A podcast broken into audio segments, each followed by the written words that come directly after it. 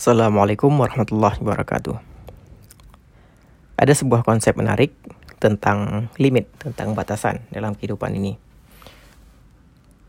Katanya, jika kita tidak menciptakan batasan, maka batasan tersebut akan muncul dengan sendirinya tanpa kita harapkan. Dia akan muncul by default, not by design. Bukan pilihan kita, tapi dia akan muncul sendirinya tanpa kita harapkan. Maksudnya gimana? Um, ambil contoh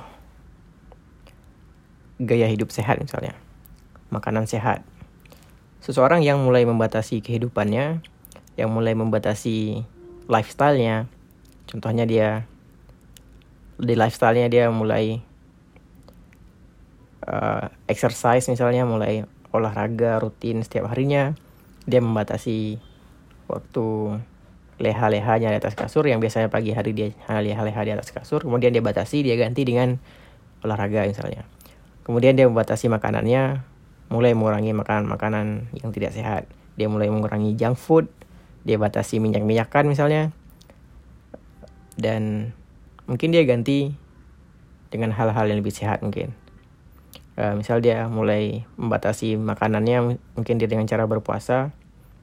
Oh by the way puasa itu sudah teruji menyehatkan tubuh ya.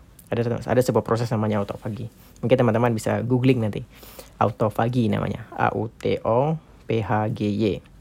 Um, nah, apa akibatnya jika orang membatasi makanannya hanya pada yang sehat-sehat saja? Dia dia sangat memperhati, memperhatikan makanannya. Uh, ya efeknya adalah tubuhnya semakin fit, semakin sehat. Akhirnya energinya semakin banyak akhirnya dia karena punya banyak energi dia menjadi semakin produktif di hari-harinya. Apa yang terjadi jika orang yang tidak membatasi makanannya semua dihantap semua dimakan? Hmm, akhirnya ya fisiknya akan menjadi lemah. Mungkin dia akan menjadi kurang produktif karena energinya uh, kurang oke okay, atau pikirannya kurang fit untuk berpikir bangun paginya telat mungkin karena istirahatnya tidak cukup karena energinya tidak tidak cukup. Eh intinya badannya bermasalah kurang enak. Badannya kurang enak otaknya kurang enak juga dipakai untuk berpikir. Nah itulah maksudnya uh, ketika seseorang membuat batasan ya batasannya akan ada di situ tapi dia akan menutup batasan di lain dimensinya. Contohnya maksudnya katakanlah orang tadi tidak menciptakan batasan dalam makanannya. Apa yang akan terjadi? Akan muncul batasan lainnya yang tidak diharapkan. Maksudnya jika dia tidak membatasi makanan, maka tubuhnya akan tidak sehat. Dia akan kurang fit, pikirannya kurang oke okay di, untuk dipakai untuk berpikir. Otaknya misalnya lemes, badannya lemes, segala macam. Atau bahkan dia bisa saja menjadi sakit misalnya.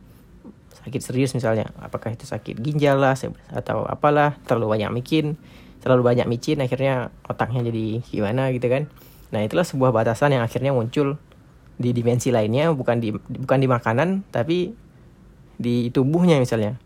Atau misalnya jika orang terlalu banyak makan manis misalnya akhirnya uh, dia yang misal kena penyakit DM misalnya. Um, dan itu akhirnya juga menjadi batasan. Dia tidak boleh lagi makan yang manis-manis. Ya, akhirnya akan tetap ada batasan.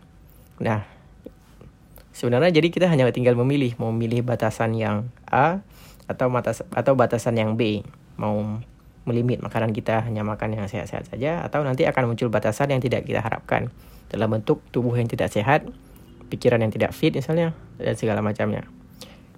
Nah, sama halnya dengan uh, puasa. Mungkin orang-orang zaman dahulu akan melihat puasa sebagai sebuah kebodohan, uh, menyiksa diri.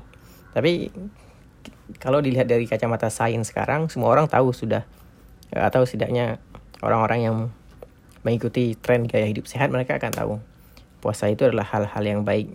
Nah, mungkin juga hal-hal ini juga berlaku pada hal-hal lainnya misalnya uh, apakah tidak minum alkohol itu sebuah batasan atau malah itu sebuah kebaikan?